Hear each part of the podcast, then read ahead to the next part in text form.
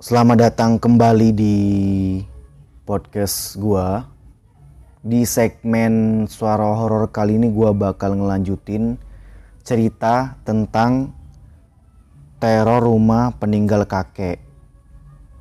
Kita bakal ngelanjutin part 1 kemarin ya. Kalau kemarin kan itu cerita terakhirnya si Andi tidur dengan nyenyak setelah dia semalaman diganggu sama eh, hantu-hantu yang ada di rumah kakeknya gitu.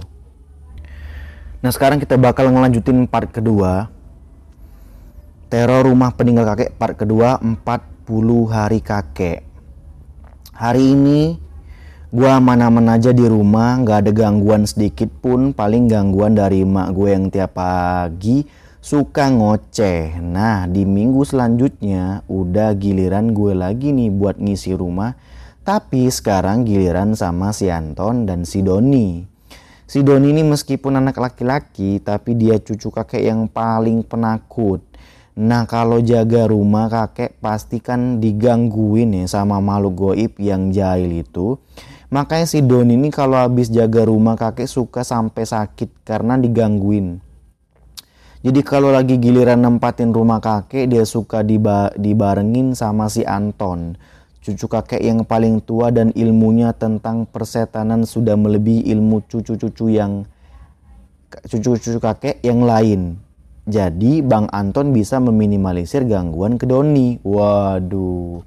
Ternyata si Anton ini tuh cucu paling senior dan punya ilmu yang yang di atas rata-rata cucu-cucu yang lain ya wah keren keren bisa gitu ya waduh jangan-jangan dukun dia hmm gua lanjut nih pagi itu karena ini giliran kita bertiga cowok jadinya yang ngeberesin rumah kakek mamanya Siti sama mama gua karena kita bertiga tuh nggak tahu mau ngapain gitu. Akhirnya kita main PS bareng di ruang tengah deket kamar yang dulunya kamar kakek. Gue inget banget tuh saat itu kita keasikan main PS dan kita bertiga nggak sadar kalau kita udah main PS seharian. Oke jadi tar, tar di, di yang part satu si Andi sendirian, yang duanya cewek, dia nggak ngapa-ngapain. Yang di part kedua ini mereka bertiga cowok semua yang bersihin rumah malah ibu-ibunya gitu anak-anaknya si kakek ini kan orang tua mereka gitu kenapa bukan mereka gitu mereka cuma main PS doang nah apakah ibu-ibunya nih ikut diganggu juga gitu kan? Gue nggak tahu ya. Eh udah azan zuhur tuh. Gantian sholat sana gi katanya. Di kamar kakek biar cepet kata bang Anton. Sana abang dulu aja gi kata si Doni. Nantilah Don, nanggung nih sana kamu duluan Andi. Kata Bang Anton sambil terus main PS. Ya udah deh bang, gua dulu aja yang sholat. Yakin tapi nggak apa-apa sholat di kamar kakek, gua takut soalnya. Wah, gue yang masih ragu sholat di kamar kakek. Nggak apa-apa kita berdua di sini nggak bakal ke mana-mana tenang aja. Setelah wudhu gue masuk ke kamar kakek buat sholat zuhur. Napas masuk ke kamar kakek, Udah di kamar kakek itu sejuk banget dan sunyi. Malahan suara Bang Anton sama Sudoni aja nggak kedengeran.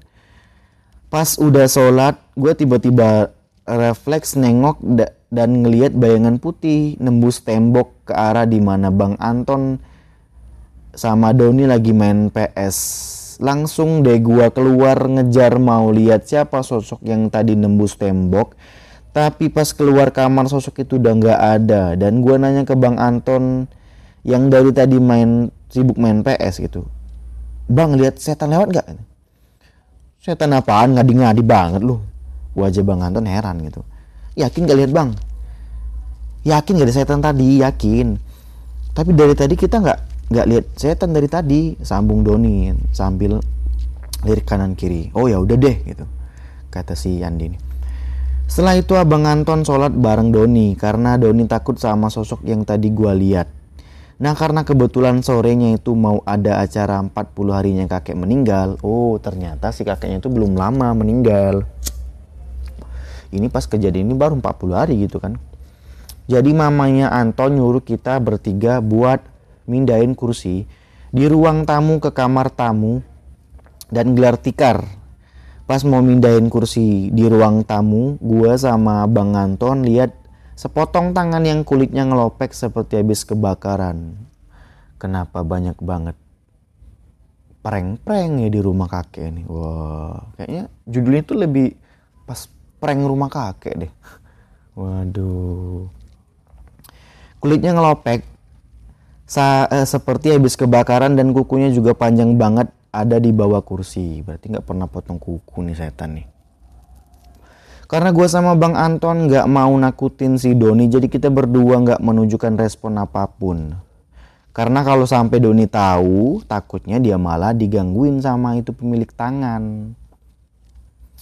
Saat gue sama Bang Anton masih merhatiin tangan itu, tangan itu gerak menembus tembok entah ke mana kan uh, pas Doni yang lagi masukin kursi ke kamar tamu, kedengeran banyak orang yang berlarian di arah dapur. Serentak Doni entah kenapa tiba-tiba kejang-kejang sambil matanya melotot melihat Bang Anton. Dan saat itu juga gue langsung lari manggil bapaknya Doni yang letak rumahnya lumayan jauh. Om, om, om, si Doni, om, si Doni gitu. Sambil lari terengah-engah ke arah rumah Doni ada apa Andi? Kok lari-lari? Doni kenapa? Ngomong yang benar. Om Bayu tuh bapaknya Doni ya, keluar dari rumah gitu. Itu Om, itu tuh si Doni tuh. Si Doni kejang-kejang Om. Bicara dengan nafas yang masih terengah-engah jadi si, si Andi.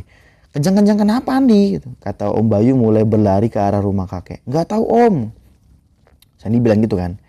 Sesampainya ke rumah kakek, Om Bayu langsung baca-baca. Katanya si Doni digangguin sama hantu. Setelah Doni mulai terlepas dari itu, hantu terlepas dari hantu itu, dia langsung pingsan lalu diangkat dan ditidurkan di atas kursi yang belum sempat dipindahkan. Saat Doni udah mulai sadar, gue langsung nanyain kenapa tadi dia kejang-kejang. Eh Doni lu kenapa tadi tiba-tiba kejang-kejang? Kejang-kejang? Doni kan bingung tuh. Iya lu tadi kejang-kejang kenapa? Tadi pas gue mau masukin kursi ke kamar, gue lihat cewek pakai baju putih gitu. Rambutnya panjang duduk di atas lemari, terus dia menatap gue. Abis itu gue udah nggak inget apa-apa lagi. Berarti bener nih, digangguin kan? Emang bener digangguin. Karena gue, Bang Anton dan Om Bayu nggak tega lihat Doni yang lemah lesu. Akhirnya kita mau bawa pulang ke rumahnya. Saat kita memapang Doni keluar tiba-tiba ada suara ketawa dari arah tamu. Hihihihi. Doni, kamu mau ke mana? Hihihi. Gitu-gitu suaranya. Wah, kenapa anda berani sama Doni? Suara makin kencang gitu.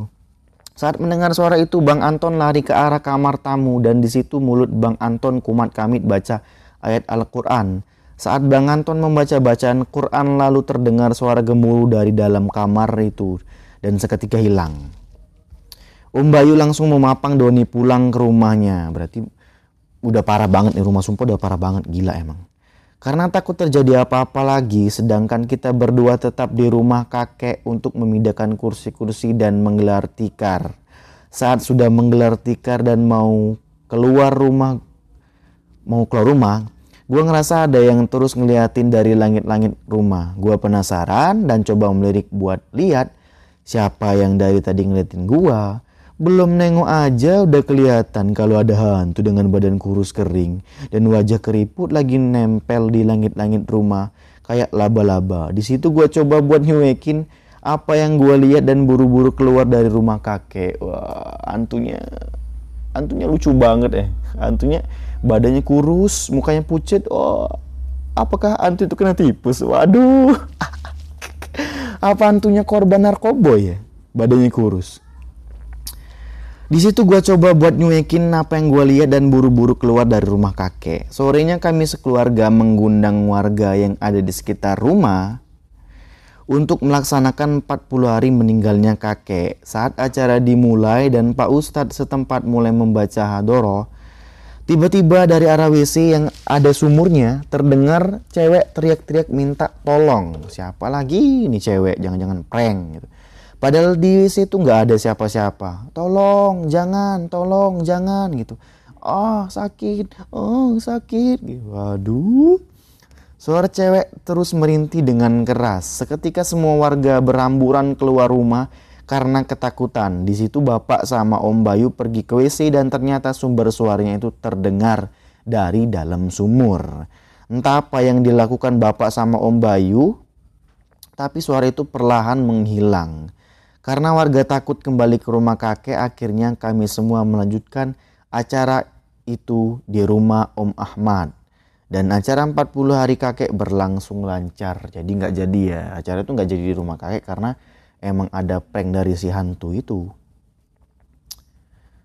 Karena rumah kakek masih berantakan akhirnya gua, Bang Anton, Siti sama Yuda, salah satu cucu kakek, pergi ke rumah kakek buat beresin rumah. Saat kita berempat lagi beresin rumah, suara aneh terus bermunculan dari suara anak kecil ngajakin main.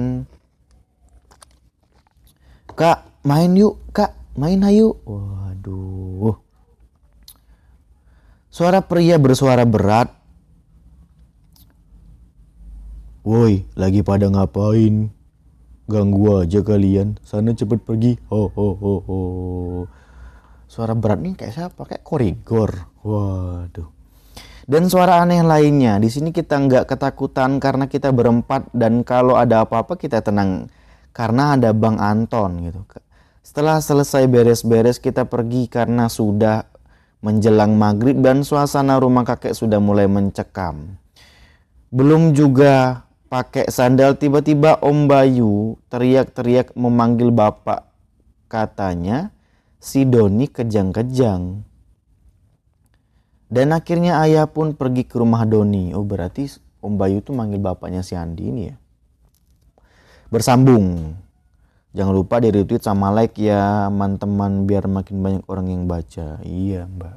Gue udah baca ini oke itu tadi part kedua dari uh, cerita rumah peninggal kakek banyak banget. Gila di part kedua ini tambah banyak tokoh-tokoh hantu yang diterangkan di sini dan ikut gangguin. Wah parah parah parah parah. Sumpah ini parah banget. Uh, oke. Okay. sampai situ dulu. Part kedua. Oh iya uh, saran uh, menurut gua nih menurut gua nih menurut gua nih ya kalau misalnya lu dapat gangguan-gangguan gitu buat temen-temen nih yang itu udah selevel parahnya udah kayak gini ataupun mungkin masih yang biasa-biasa aja lu nggak perlu takut lu nggak perlu panik. Kalau misalnya lu, lu muslim lu seorang muslim lu baca aja ayat kursi atau lu baca kayak Al-Ikhlas, Al-Falak, Anas gitu-gitu lah yang lu apa lah ya. Pokoknya lu jangan takut, dilawan aja. Semakin lu takut, itu mereka bakal semakin ganggu gitu. Justru ketika lu baca ayat Quran, mereka bakal bakal ya hilang gitu. Tapi ya itu sih menurut gua itu lu lu harus baik-baik berdoa apalagi masuk-masuk rumah gitu ya rumah siapa aja lah itu rumah kakek lu rumah tetangga lu rumah rumah siapa aja rumah gebetan apalagi rumah mantan wah rumah mantan ya gitulah ya pokoknya lu jangan pernah tinggal berdoa biar dilindungin terus sama Allah. Di mana pun lu berdoa masuk rumah keluar rumah biar nggak dapat gangguan gitu. Oke sampai jumpa di part ketiga